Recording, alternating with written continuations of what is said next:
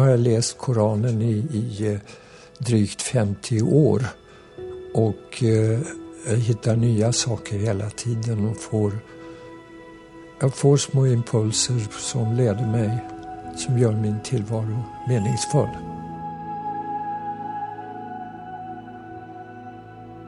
Björn Ismail Eriksson, född 1934 och gick bort 2014, hittade vägen till islam på ett oväntat sätt. En person som inte bara spelade en viktig roll i att öppna den första moskélokalen i Stockholm utan också skrev om islam i flera tidningar. Björn föddes som son till en svensk kvinna och en frånvarande syrisk-fransk pappa. På 50-talet fann han vägen till islam genom att läsa Koranen.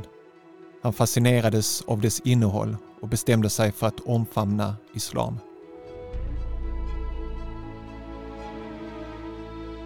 Ett tiotal år efter att ha omfamnat islam var Björn med och öppnade den första moskélokalen i Stockholm.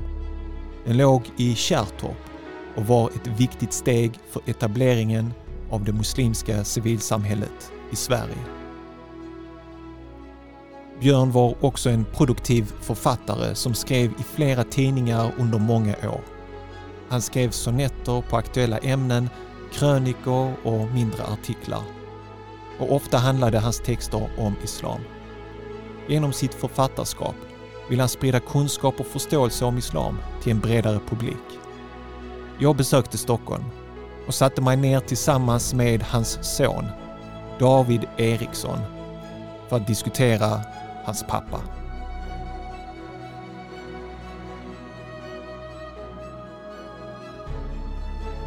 Jag vill välkomna David Eriksson till Mm. Koranpodden. Hjärtligt välkommen David. Tack, tack ska du ha. Tack så mycket.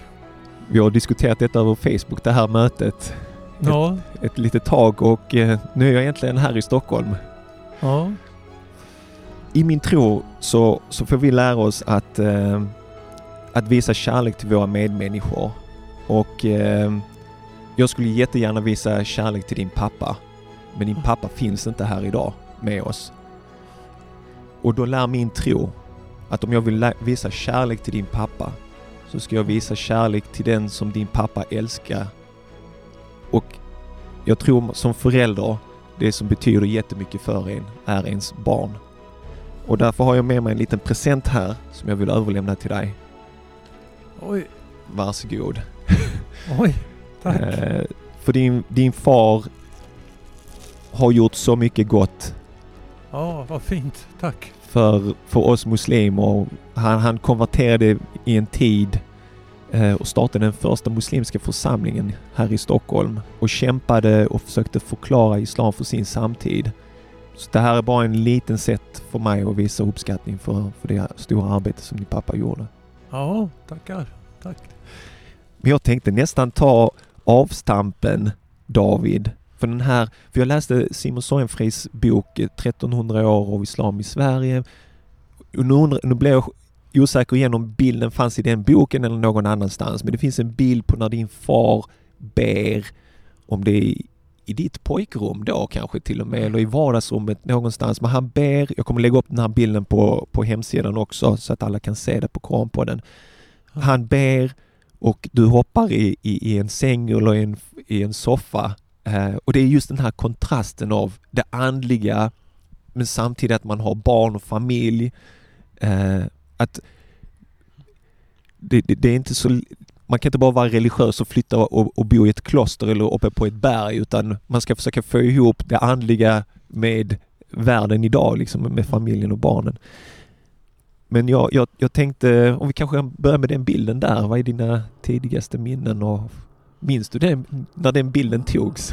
Nej, det minns jag inte. Nej, Nej men eh, min upplevelse av min barndom med religiösa föräldrar, för min mor var kristen och, och min far var muslim då, är väldigt ljus och positiv. Så vi hade två, två aftonböner Mm. och, och bordsböner. Och, och, och båda är st- starkt troende men det fanns aldrig någon konkurrens eller, eller något att det ena var bättre än det andra. Utan Utan vi levde med det här. Mm. Och, och, pappa var ju enormt engagerad och han var ju med. Man kan väl inte säga att han startade den här eh, Muslimklubb som det hette. Utan men han var, han var med och, och väldigt, han var ju sekreterare där då. Yeah. Så han var väldigt engagerad. Och han var engagerad på många olika plan också för att han var ju journalist och hade faktiskt eh, tillgång till media Mm. och kunde skriva i Aftonbladet. Och, och det var många påhopp på muslimer då. Alltså gjorde en, en med is, islamsk tro något så blev, blev det väldigt uppblåst om det var någon misshandel eller någonting. Och då gick han in och gick i försvar rent textmässigt då och fick ut det i tidningarna. Så att han, han blev nog lite av en frontalfigur då. Men, Ja. men nu snackar vi 60-tal då. Och, Mm. och, eh, så var han ju konvertit. Så att han, eh, och det gjorde att hans, hans tro var väldigt skarp om man säger i början. Han var väldigt aktiv i början då Ja. tack vare det. Han, han, hans namn var Björn Ismail Eriksson. Ja, Ja. ja, det, var- ja just det. Men i, bokföringen stod det ju bara Björn Eriksson. Ja, just det. Men, han, eh, han tog det här muslimska namnet Ja. Ismail då. Ja, ja absolut. Att, eh, Men jag tänker, eh, som pappa så vill man ju liksom berätta om ens tro eller överföra ens tro till sina barn. Så jag tänker, hur, hur blev det för dig och dina syskon om mamma är kristen och pappa är muslim? Vilken bön fick ni lära er liksom, eller hur gick det till? Nej, men pappa läste ju eh, eh, bönen då på arabiska. Han, hans tro började ju med att han, eh, att han, han har alltså ett, det kan vi komma in på senare, men Ja. han, hans, min farfar är alltså syrier. Va? Ja. Så att det började med att han började läsa arabiska och då kom han på att det bästa sättet att, att komma in på arabiska var att läsa Koranen. Ja. Så då, då satt han och, och liksom pluggade igenom den. Och, och så kom han på att ja, men det, här, det här passar ju mig. Det här är min, det är min värld. För innan var han väldigt eh, flytande. eh, Både i Paris och, och, och, och drack säkert en del och, och sådär. ja, Men- precis. Det finns ett radioprogram om hans liv där han berättar om det här. Ja, ja precis. Jo, det finns väl dokumenterat. Men, eh, och sen han läste ju då bönen på arabiska, kvällsbönen. Och, men sen översatte han ju då till svenska. Va? Mm. Ingen gud för, utom Gud, Muhammed är Guds sändebud. Det kommer man ju ihåg. Ja. Så att, eh, det, det gjorde han. Och, men aldrig någon, någon... Alltså han hade ju en, en tes kan man säga att eh, om människan får välja fritt så, så väljer människan det bästa. Mm.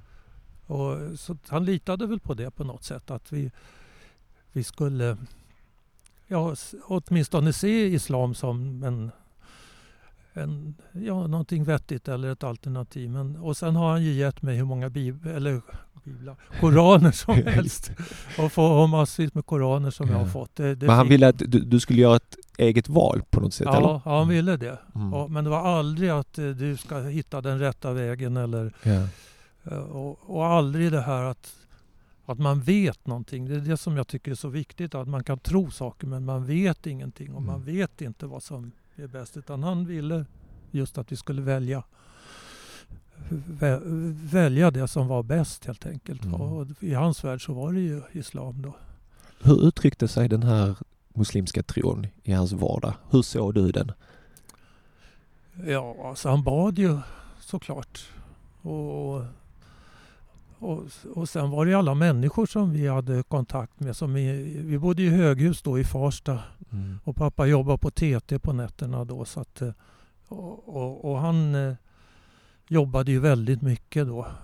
Långa, långa pass. Och sen hade han då islam utöver det och så den här muslimklubb. Och, ja, vi var ju med där ibland och det kom hem mycket folk från andra länder som inte var så vanliga då i Farsta kan man säga. Så, så att, eh, vi fick Var det mycket människor från typ Turkiet eller olika muslimska länder? i Afrika också. Afrika också? Ja, Afrika var det och muslimska länder och vi, ibland åkte vi, kom det ju limousiner och hämtade oss Okay. Ja, han, eh, när han skulle till någon ambassad och då tog han med oss ungar och så åkte Ja. vi limousin då ut till, till ambassaden. så det var, nej, det var väldigt roligt. Ja. Men vi var ju liksom, vi var ju bara som en svans eller som en, vi hade ju ingen roll i det där utan det var ju Nej. mer att man, man satt och, och så bad dem och så hade de sina möten och, och, Mm. och då satt vi väl och, i ett hörn liksom och lekte. Eller. Men jag kommer ihåg stämningen väldigt väl i, i de här sammanhangen. Att det Mm. var väldigt så här tajt på något sätt. Va? Att det, det var... Ja, jag tror det var en... Som jag ser det nu var det nog en lycklig tid eh, för islam i Sverige i början där. Tror Ja. jag. Det var... Det, det var väldigt fritt. Jag kommer ihåg Didar också. Ja, Mm. henne känner jag fortfarande. Mm. Sam, Samletedin. Hon hette Sakerov då.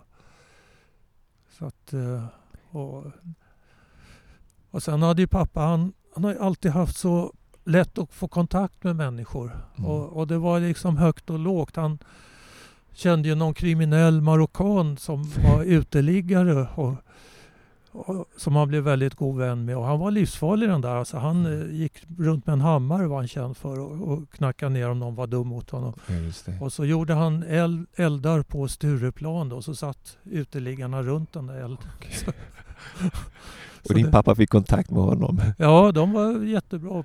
Han, han har ju umgåtts med kriminella. Det ska man inte sticka under stol med att det Nej. finns eh, muslimer som är kriminella. Ja.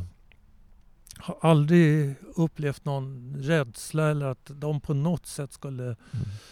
eh, vara obehagliga för oss. Så att, eh, alla, var, alla var vänliga. Så det, det präglar nog mycket min barndom, den här öppenheten. Att, Mm. det, att, det, att det liksom inte fanns några, några hinder så. Men när du var barn och äh, man diskuterade vad man har för tro, hur såg du på dig själv? Såg du dig själv som kristen eller muslim? Hur tänkte du kring det? Nej, men alltså det var ju olika sidor av min pappa. Va? Kan man, och av min mamma också sannerligen. Alltså de, de, båda två var ju väldigt självupptagna. Mm. Alltså väldigt mycket. Och eh, då blev det väl liksom att vad de än gjorde var lite tomtigt tyckte man. Va? Det var, så att eh, det där... eh, Just innebörden av islam eller så. Det, det, det tror jag inte gick in riktigt utan jag tror att det var den här eh, vidsyntheten med alla människor och Mm. och toleransen eller hur man ska säga som, som präglade.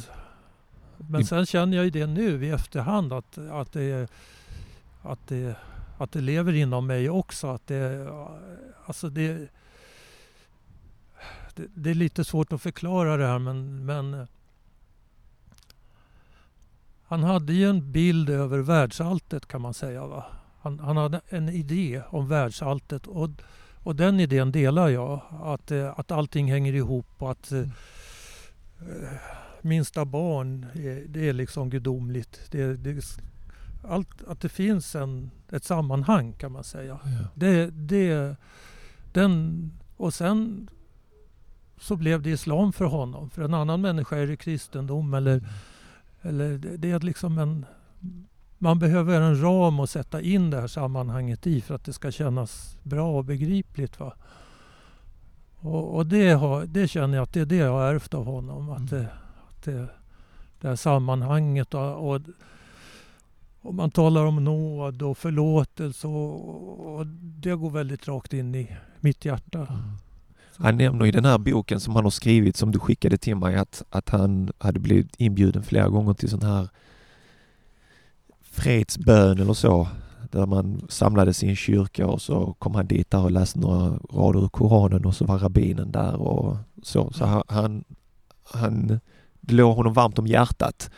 Toleransen Mm. mellan olika religioner.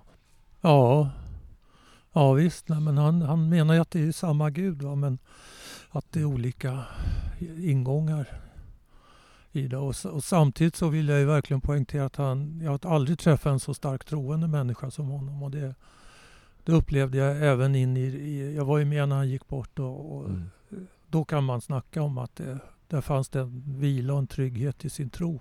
Kan du ta oss till den tiden när hans sista dagar, hur, hur var det, vad var det han sa? Ja, han sa inte så mycket för han hade väldigt svårt att prata. Han, han hade ju KOL då och så hade han lite andra fel på sig också.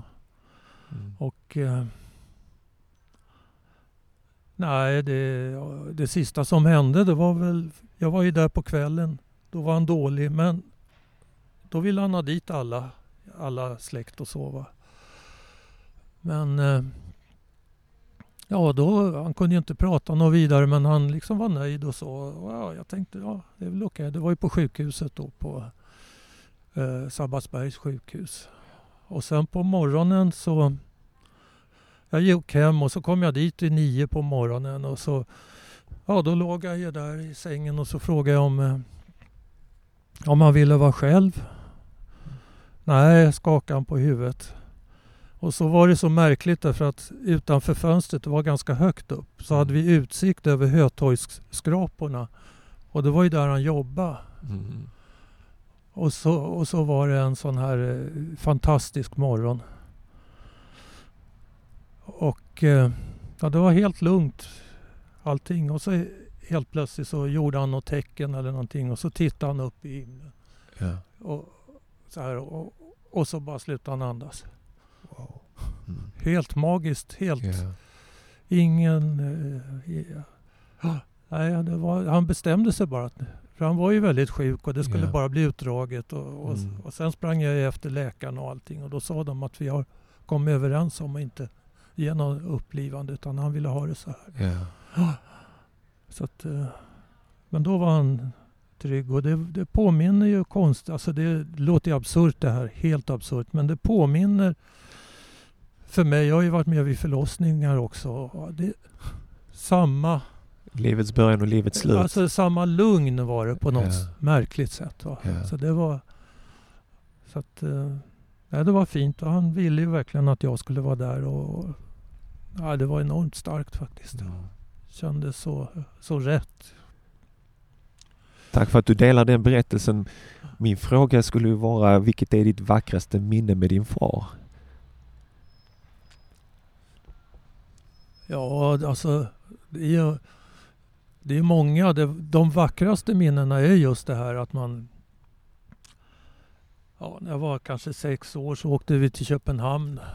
Och, och då bodde vi hos en konstnär som hette Paul Gro. Och jag bara går runt på gatorna där i Köpenhamn. Och pappa köpte en jättepåse med salta grodor. Alltså det Ja, är just sånt det. där. ja, Just hans... eh, hans eh, frihet på något sätt. Va?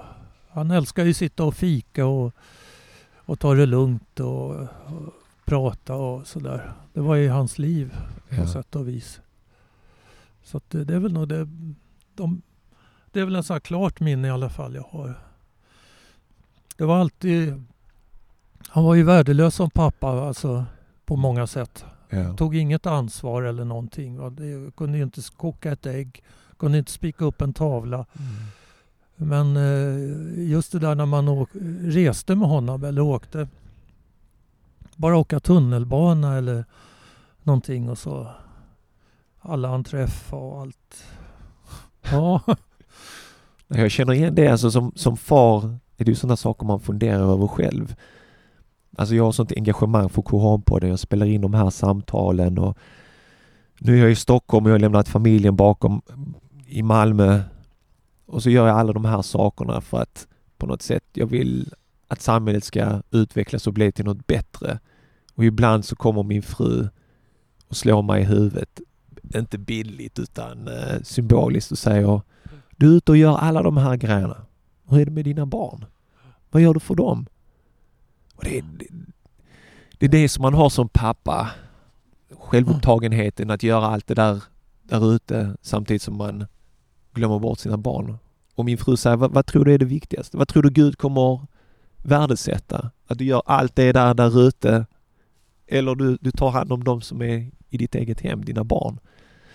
Så det, är- det är den spänningen man har inombords skuldkänslan som man går runt med lite grann. ja. Jo, nej, men det tror jag många känner igen. Mm. Det har, behöver inte ha med religion att göra utan man, man räcker inte till eller man prioriterar inte. Men det beror på lite samspelet också som man har med, Ja. med frun och med alla. Det, nej, det där är svårt. Men, min pappa var ju väldigt speciell. Han var väl vad man kallar Asperger idag. Då Ah. fanns ju inte det Nej, nej. begreppet. Men Just det. det, det, det tror jag han var.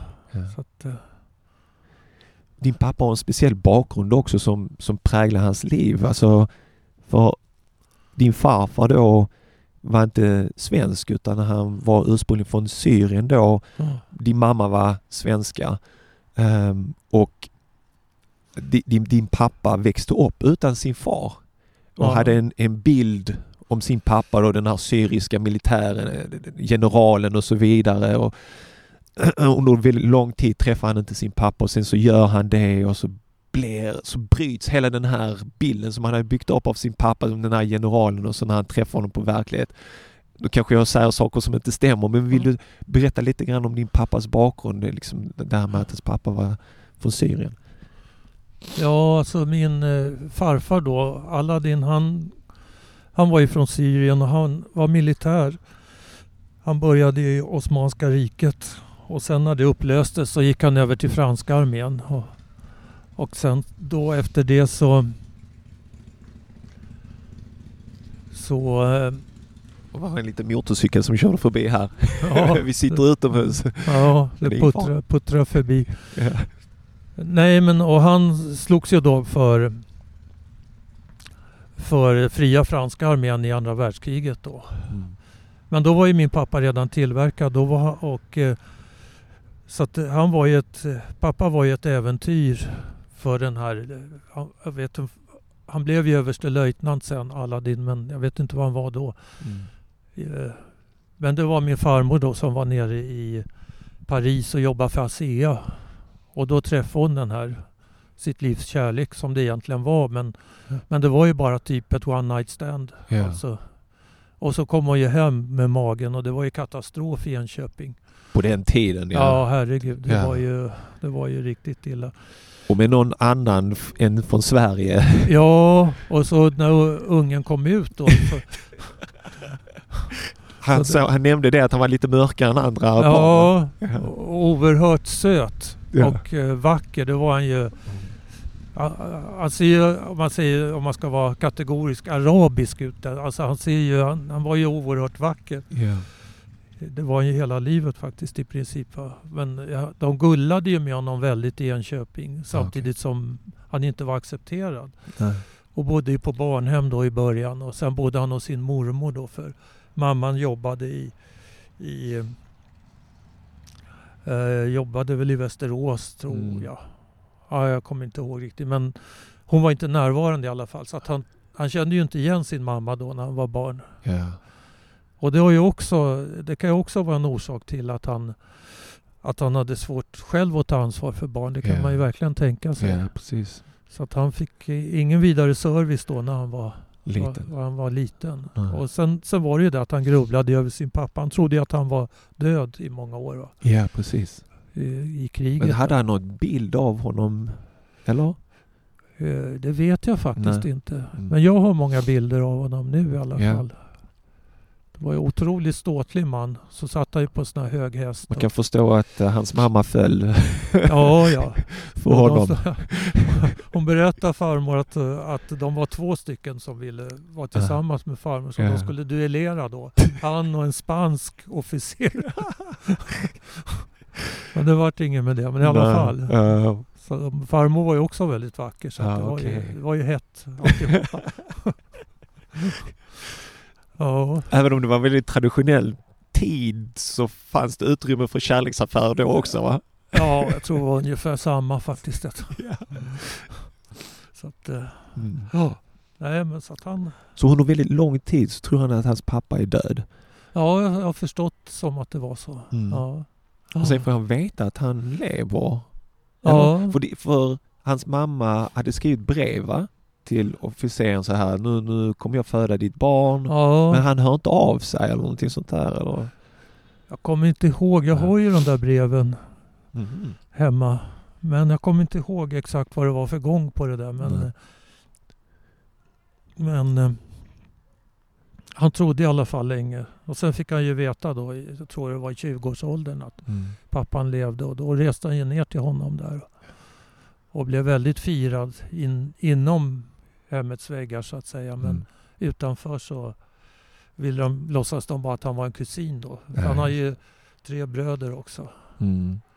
Så att, eh, Det var inte okej för dem att han hade haft en relation. nej, Tidigare. nej och det, jag tror han, hans, en av de där brorsorna föddes på samma dag som Aha. pappa. tror- Var jämnåriga då eller?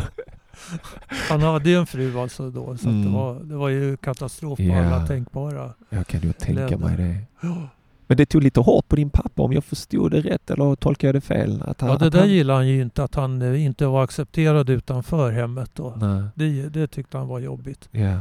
Och det är ju det som... Det var ju liksom som en följetong i, i, i hans liv. Mm. Här att alltid vara utanför. Va? Han kunde till och med anklaga oss barn för att vi höll honom utanför. Ja. Och, och, och sen då när han skilde sig från... Eller de skilde sig då, mina föräldrar. Ja. Så tog han ju det också som att han var utanför, utstött och så. Va? Han skriver om det här i sin bok. Att hade det inte varit för hans tro så hade han förmodligen skadat sig själv. Eller... Mm. Så, så kan det mycket väl vara. Ja. Det, det, så kan det vara. Det, var ju, alltså det, det, det är svårt att prata om en person som Ja. är så sammansatt i ett kortare sammanhang. Men och man, man kan ju säga så här. Och det är väl det som, jag är själv författare och det genomsyrar mitt författarskap. Mm. Att eh, han, han, var, han var en ganska värdelös pappa om man ska vara ärlig. Ja. Han var, han var inte något vidare. Men vad har han gjort i livet? Jo, han, han, han läste ju då eh, musik till violinist Ja. i Paris då när han bodde där. Så han var, han var ju otroligt musikalisk. Mm. Och då var han, var, var han tillsammans med min son väldigt mycket när min son var liten. Och, de, och, och pappa spelade ju då på kaféer och så. Va? Vad har hänt då? Sonen har blivit musiker. Ah. Så var han med min systers systerson. Samma sak, kaféer spelade. Ja. Han är musiker nu och lever på att producera reklamjinglar tror jag. Ja, just det. Och, och det enda jag hade med min pappa Ja. som jag... Jag såg aldrig honom för han låg ju med en kudde på huvudet och sov då Mm. på dagarna. Men en sak uppmuntrade han och det var att skriva. Så, så jag skrev små tidningar och jag fick min första artikel publicerad när jag var åtta år i, i Svenska Dagbladet. För det var ju där han jobbade då. då. Just det. Och, och, det, och, och nu är jag ju författare också. Då. För han är otroligt duktig med, med det skrivna ordet. Ja, det är han. Som han jobbar för TT och den här boken Mm. han skrev och han översatte ett, en sura ur Koranen, eh, väldigt poetisk. Han, I sin bok så har han väl en, en hel del sån här, vad ska man kalla det för, dikter eller poesi eller Mm. han leker med orden och så. Väldigt duktig. Och, och du är idag författare och du har givit ut flera böcker. Du skickade hem din senaste bok till mig som jag ser fram emot att läsa. Eh, Jag vill tacka Ja. för att du skickade den. Ja. Eh, Och då, det bara slog mig, eh, för du jobbar som lastbilschaufför också. Ja. Men just att ditt författarskap måste vara på något sätt kanske kopplat då till din pappa som du nämner nu. Som en inspiration från din fars sida. Jo, och han, eh, hans liv då med dagspressen. Det kallar han ju 40 förlorade år med dagspressen. Alltså så det jobb som alla trängtar, eller många trängtar efter, Ja. journalistens då. Mm. Det tyckte han var bara skit. Det var, det var, han kunde hellre stått och stansa kretskort eller vad som helst. va. Han tyckte det var helt värdelöst. Ja. Hans dröm var ju att bli poet Ja. och, och bli accepterad som poet. Men han, han gav ju aldrig ut någon bok. Nej. Men då gav han mig det istället. Och han sponsrade mig moraliskt till Ja. att skriva. Så, och det där är så lustigt tycker jag. Att, för att både mellan mödrar och döttrar och pappor och söner finns det ofta en konkurrens. Va? Ja. Men i det här fallet så, så liksom pushade han mig på alla sätt. redan från tidig barns, barnsben då tills nu. Mm. Ända tills han gick bort. Och utan någon avundsjuka för att jag har ju då kanske genomfört det han kände att han ville hela livet. Och så satt han där och skrev på Svenska Dagbladet. Ja. Eh, hur, för, jag, jag är lite nyfiken på om vi kan titta på det här med att vara, vara lastbilschaufför och författare samtidigt. Hur får du ihop det här? Ja, men jag delar upp det lite grann då så att jag, jag tar ledigt eller jobbar halvtid som jag gör nu och skriver. Mm. Men ofta tar jag ledigt kanske en fyra månader och skriver ett grundmanus då. Sen kan man jobba med det sen. Kanske jobba halvtid eller så. Så jag växlar, växlar mellan de här rollerna. Och ibland jobbar jag, må- många gånger jobbar jag heltid och många gånger jobbar jag långt, långt över det. Ja. Men eh, jag har väl det också att jag jag vill inte skriva innan jag har något att säga. Mm. Och då är det ganska skönt att bara köra. Mm. Just det. vad är det som utmärker ditt författarskap? Eller vad är det? Liksom så här? Ja, det där vet man ju inte själv egentligen riktigt. Men eh, det som jag vill skildra i de senaste böckerna då, som Den fredlösa som Mm. kommer nu. Det är just de här värdelösa människorna. De här, alltså, det handlar ju om en kvinna som har blivit utsatt för övergrepp då som barn. Och hon, hon liksom... eh, Hon funkar inte. Va? Hon, eh, det blir fel. Hon är, hon är fruktansvärt våldsam till exempel. Va? Mm.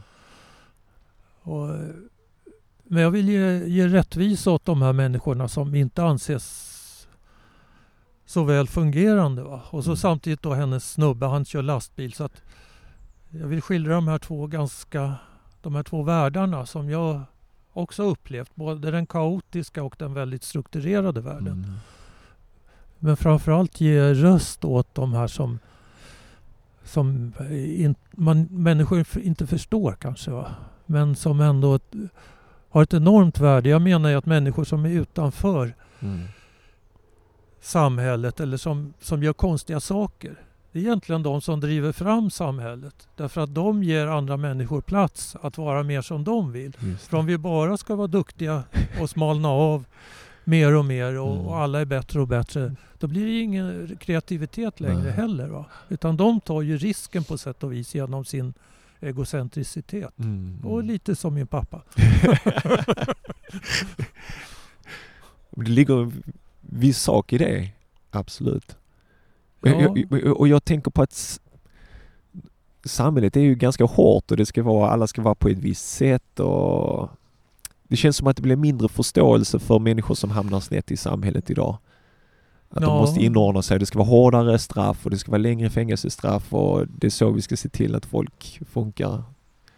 Ja, jo, så är det ju. Men det, det skapar, alltså det, det är ju, till en viss del är ju hårdare straff en lösning. Men, men det skapar ju också problem eftersom det ger en hämnd, ett hämndbehov för de som blir utsatta för det. Ja. det så det är visst, gör man något dumt ska man ju åka in. Det, Mm. det är jag absolut överens om. Men, men som universalmetod tror jag inte att det hjälper så mycket. Utan, Du nämnde att du brukar läsa Koranen när du åker lastbil, när du kör lastbil. Varför gör du det?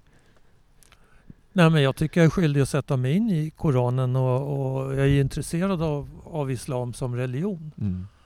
Och, och så då när jag åker färja eller någonting, jag kör ju på Holland en hel del. Mm. Då åker man i färja och eller inte har något att göra. Då, då, kan jag, då, har jag, då har jag suttit och läst Koranen. Då, men, och det blir väldigt fragmentariskt när man läser den så. Ja. Och, och Koranen är ju ganska svår att läsa. Den är ganska hemsk. Ibland kan man bara läsa ett par sidor för att det är så, så hemskt. Va? Så Ja. liksom eh, grymt på något sätt. Va? Eh, så att, eh, men eh, jag har läst Bibeln också. Och, Mm. eller lyssnat på snarare har jag gjort. Koranen har jag inte hittat på någon, någonstans att lyssna. Något, Ja, som, som, jag är inläst, ja. Ja. Nej, men det intresserar mig och islam intresserar mig mycket. Och religionerna gör det. Det var någon som hade läst Koranen som, när du säger det här med att vissa sidor är väldigt grymma eller hårda. Var någon som, lä, som, som hade läst Koranen så, så hade någon frågat men vad, vad kände du när du läste Koranen? Så han, var vissa sidor var väldigt hårda och sen var det andra sidor som var väldigt förlåtande, väldigt mjuka Mm. och sen så var det det här igen. Så var det liksom känslorna Ja. gick upp och ner liksom. Ja, Det är ett intressant eh, fenomen. Ja, absolut, det är exakt min känsla också. Mm. Och likadant hur man ser på andra religioner. I ena sidan fördömer man dem och Ja. nästa sida så, Ja. så, så menar man att det är okej bara, bara man har en gud så får det vara vilken gud som helst. men, eh, så det, men jag vet inte om jag har missförstått Koranen. Eh, Det här med jihad och heligt krig och så. Ja. Som jag läser Koranen så är det ju inte något som vi ska göra nu. Nej. Utan det är något som händer i framtiden. Om du gör si eller så och fel så får du straff i nästa liv. Va? Men jag upplever inte att om jag är muslim så ska jag gå ut och kriga eller slå ner Mm. Någon kristen eller någonting. Va? Så har inte jag läst den. Men Nej. jag har alltså bara läst den en gång så jag kan inte Nej. säga hundra procent. Hade du sådana samtal med din pappa? Teologiska diskussioner. Pappa, hur är det här med jihad? Jag hör, jag hör om det, jag läser om det hela tiden. Ja. Eller eh, är det verkligen... Alltså, Nej, vi hade väl inte så... eh, Jag vet inte ens om jag... Ja, vi hade inte sådana diskussioner. Vi hade mer eh, diskussioner om oljan och, och, och hur,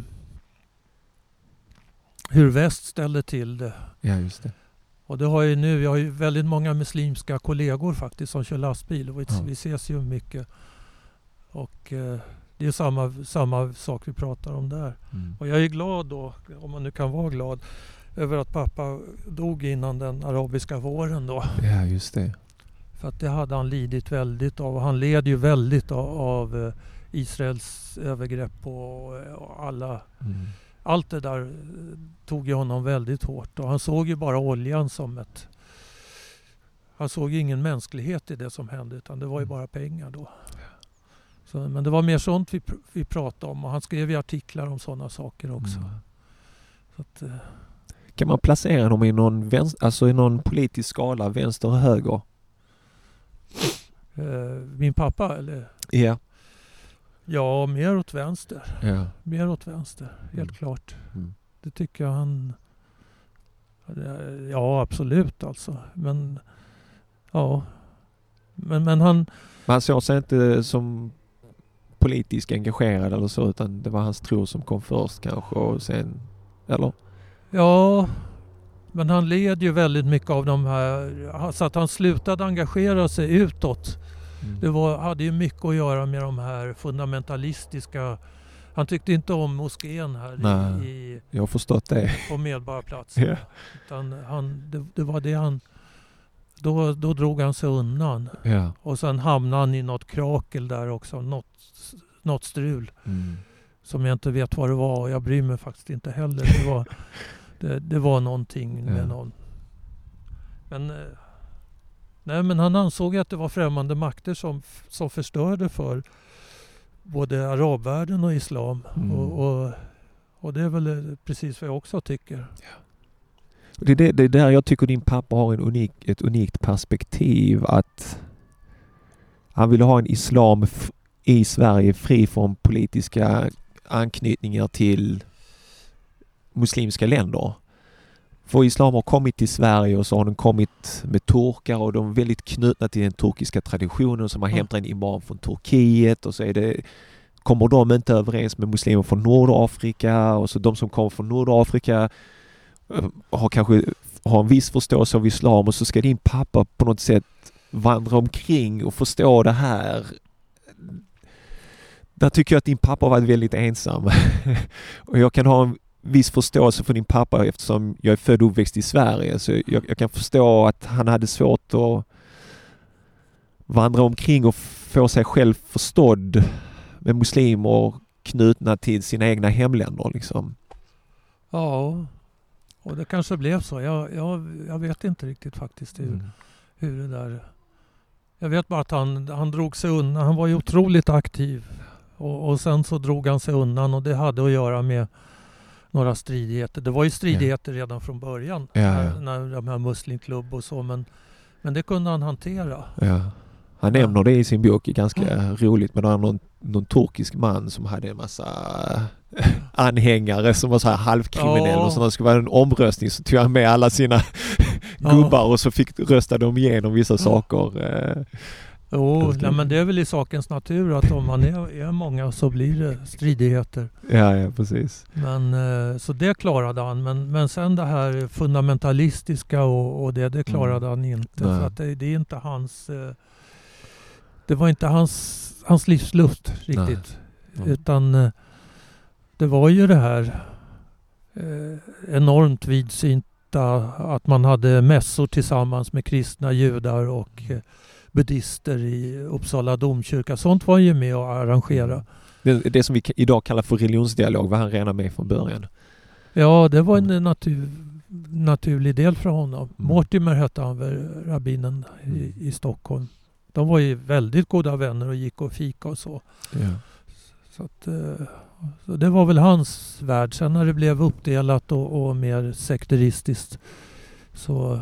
Då tog han nog men, men det gjorde ju aldrig att tron släppte. Tvärtom tror jag nästan. Den var, som jag sa då, ben bergfast in till sista dagen. Din, din far var väldigt duktig på att recitera Koranen och han kunde stora delar av Koranen utan till. Ja. Det finns ju ett radioprogram där han reciterar Koranen väldigt vackert. Ja. Så att, eh, hoppas jag kunna klippa in det här i det här samtalet också. ja, ja, ja roligt. Så. Bismillah Rahman Rahim Yasin Wal Quran El Hakim. Du hade med dig något citat också från eh, Koranen. Mina gäster får, får den äran att ta med något citat som de tycker är lite extra intressant. Ja, det är, vad säger man, 23 suran? Ja, Sura Al-Mu'minun. Nej, Sura Al-Mu'min. Nej, Al-Mu'minun tror jag det blir, de troende. Ja.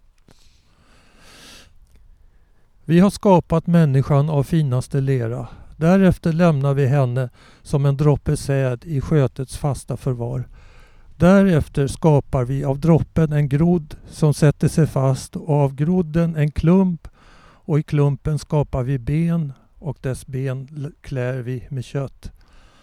Därefter låter vi henne stiga fram som en ny skapelse.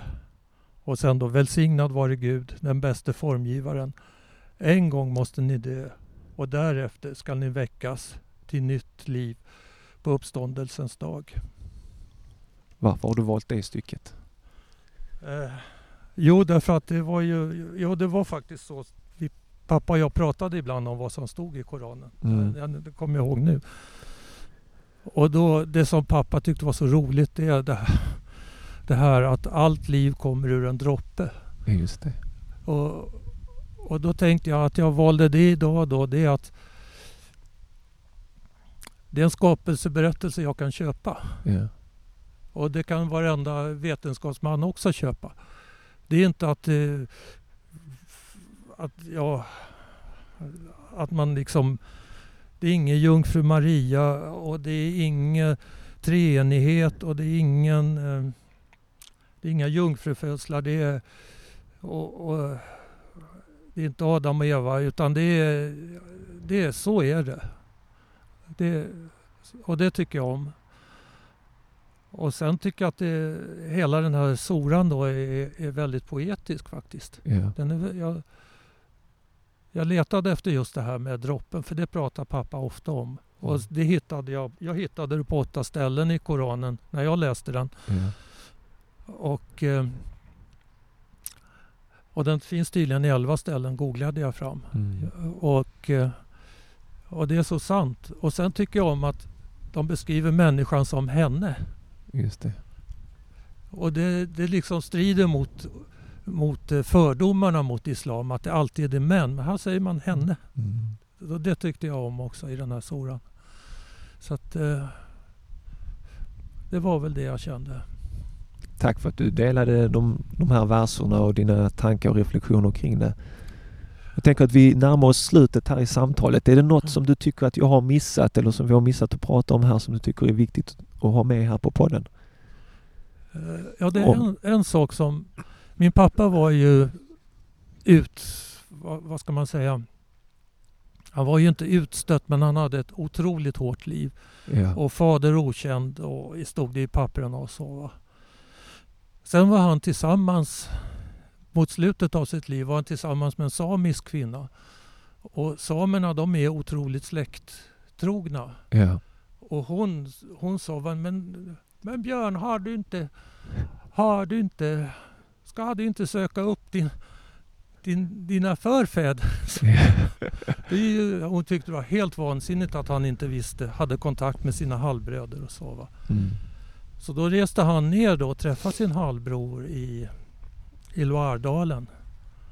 Och då berättade halvbrodern att, eh, att vi faktiskt släkt då med den berömde Emir Abdelkader som härskade över Algeriet eh, 1832 till 1847. Och eh, Stor frihetskämpe. Ja, han höll ju fransmännen stången då i, under de åren och är än idag väldigt hyllad i Algeriet och i hela världen faktiskt. Så att, eh, och, och, och det var därför han hamnade så småningom då, Emir Abdelkader, hamnade i Syrien. Mm. Och det är därför min farfar Aladdin kommer då. Aladdin El Imam kommer ifrån Syrien. Och, eh, och han var ju också väldigt vidsyn, precis som pappa då. Så Ja. han, han blev känd då för att han räddade judar och, och eh, kristna i, i sitt palats där undan druserna. Så, att, eh, så det är alltså min farfars morfar som är Emir Abdelkader. Och det blev liksom så, hur, hur kan världen vara skapad när man liksom är fader okänd och så kommer man ifrån, ifrån den eh, alltså högsta, Ja, precis. eh, alltså är, är ju i princip emir då.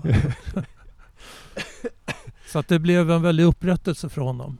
Det var till och med så att svenska ambassaden eh, ville bjuda in er. Eh, kan du berätta det? Ja, det var ju då eh, eh, Det var ju firandet av, av befrielsen ifrån fransmännen då. Mm. Om, jag kommer inte ihåg vilket år det var. Men då ville svenska ambassaden då, Eva Emeus som var ambassadör. Hon, vi åt middag med henne Ja.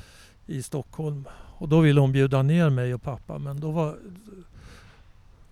då skulle vi sitta i intervjuer tydligen med pressen i Algeriet i flera dagar. Ja, just det. Och pappa var så skruttig då. Så, och då sa han väl att om du absolut vill åka ner så åker vi. Men, Ja. men jag kände att det skulle bli en sån stor förändring i livet fast som jag inte var beredd för alls. Mm. Så att, men sen har jag varit på ambassaden och så, i, under så, så- alltså algeriska ambassaden i Stockholm då. Okej. Under sådana omständigheter. Så att, eh, nej, men det är en rolig sak och det är säkert värt att, som författare att skriva på. Och, Ja. och, och just väva in det här. Alltså jag, är inte, jag har ju inte konverterat till islam men Nej. jag har ju som sagt stor sympati. Och, och faktiskt mycket lättare att förstå islam än kristendomen för den, det är mer sagor för mig. Va? Ja. Men eh, just att fortsätta kanske på det här att väva in olika ri- riktningar och olika eh, få en förståelse ändå för gudstron och att den kan heta olika saker men den kanske är väldigt lik ändå. Att det, att det finns ett övergripande tanke med det. Så Mm. kan jag känna. Tusen tack eh, David för de eh, orden och tankarna och eh, eh, din far har gjort fantastiska saker men det är just också den här spänningen med att ta ansvar samtidigt som man har ambitioner eller som man vill göra. Den komplex, komplexiteten är viktig att ta med sig och jag hoppas att saker som våra lyssnare kan fundera på och liksom grubbla kring. Ja, och jag tänker på det att just komplexitet är viktigt att man tar med i beräkningen. Ja. Alltså att det, det är inte enkelt. Det är inte så att det finns en sanning alltid utan allting växlar hela tiden. Mm. Och det är mer ett övergripande synsätt som jag tror man ska ha Ja. än att detaljtänka. Så det, Det får man ta med sig från pappa. Tusen tack David, tack så mycket. Ja, tack för att jag fick vara med. Tack. Hej.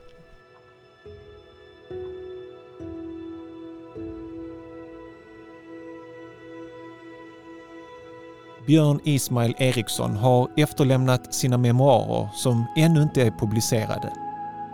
Jag fick ta del av dessa med hjälp av David. I den skriver Björn många minnesvärda tankar och erfarenheter. Jag skulle vilja lyfta ett som har med det övergripande temat att göra med här på podden, nämligen Koranen och Björns reflektioner över den. Han skriver följande. Den enda bok som följer mig livet ut och som jag aldrig tröttnar på är Islams heliga skrift, Koranen, på arabiska. Jämfört med den ter sig all annan litteratur som tillfälligheter, inklusive det som jag själv skriver, såväl prosa som poesi. Musiken kan ge orden luft under vingarna, men språket, särskilt klassisk arabiska, har också sin egen musikalitet. Det är nog nödvändigt att gå igenom en del besvikelser för att inse det. En reningsprocess som gör att man kan komma till klarhet med sig själv och sin egentliga uppgift som människa och muslim. För även om jag inte följer alla traditionella sunna regler räknar jag mig ändå som islamisk trosbekännare och koranläsare. Min Muslim Club omfattar drygt en miljard medlemmar där jag är en av dem. Slutcitat.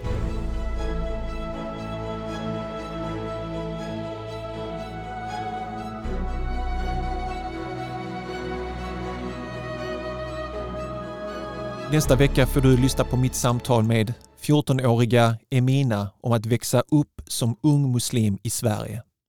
Här kommer ett kort klipp från det samtalet. Jag minns när jag först tog på mig slöja.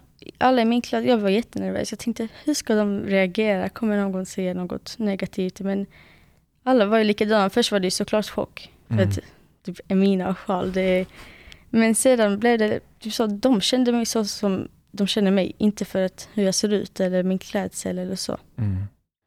Missa inte nästa veckas avsnitt, mitt samtal med 14-åriga Emina om att växa upp som ung muslim i Sverige. Vårt samtal berörde ämnen såsom vänskap, klädsel och att praktisera ens tro. Emina var otroligt duktig och klok. Jag har länge velat lyfta ungas röster.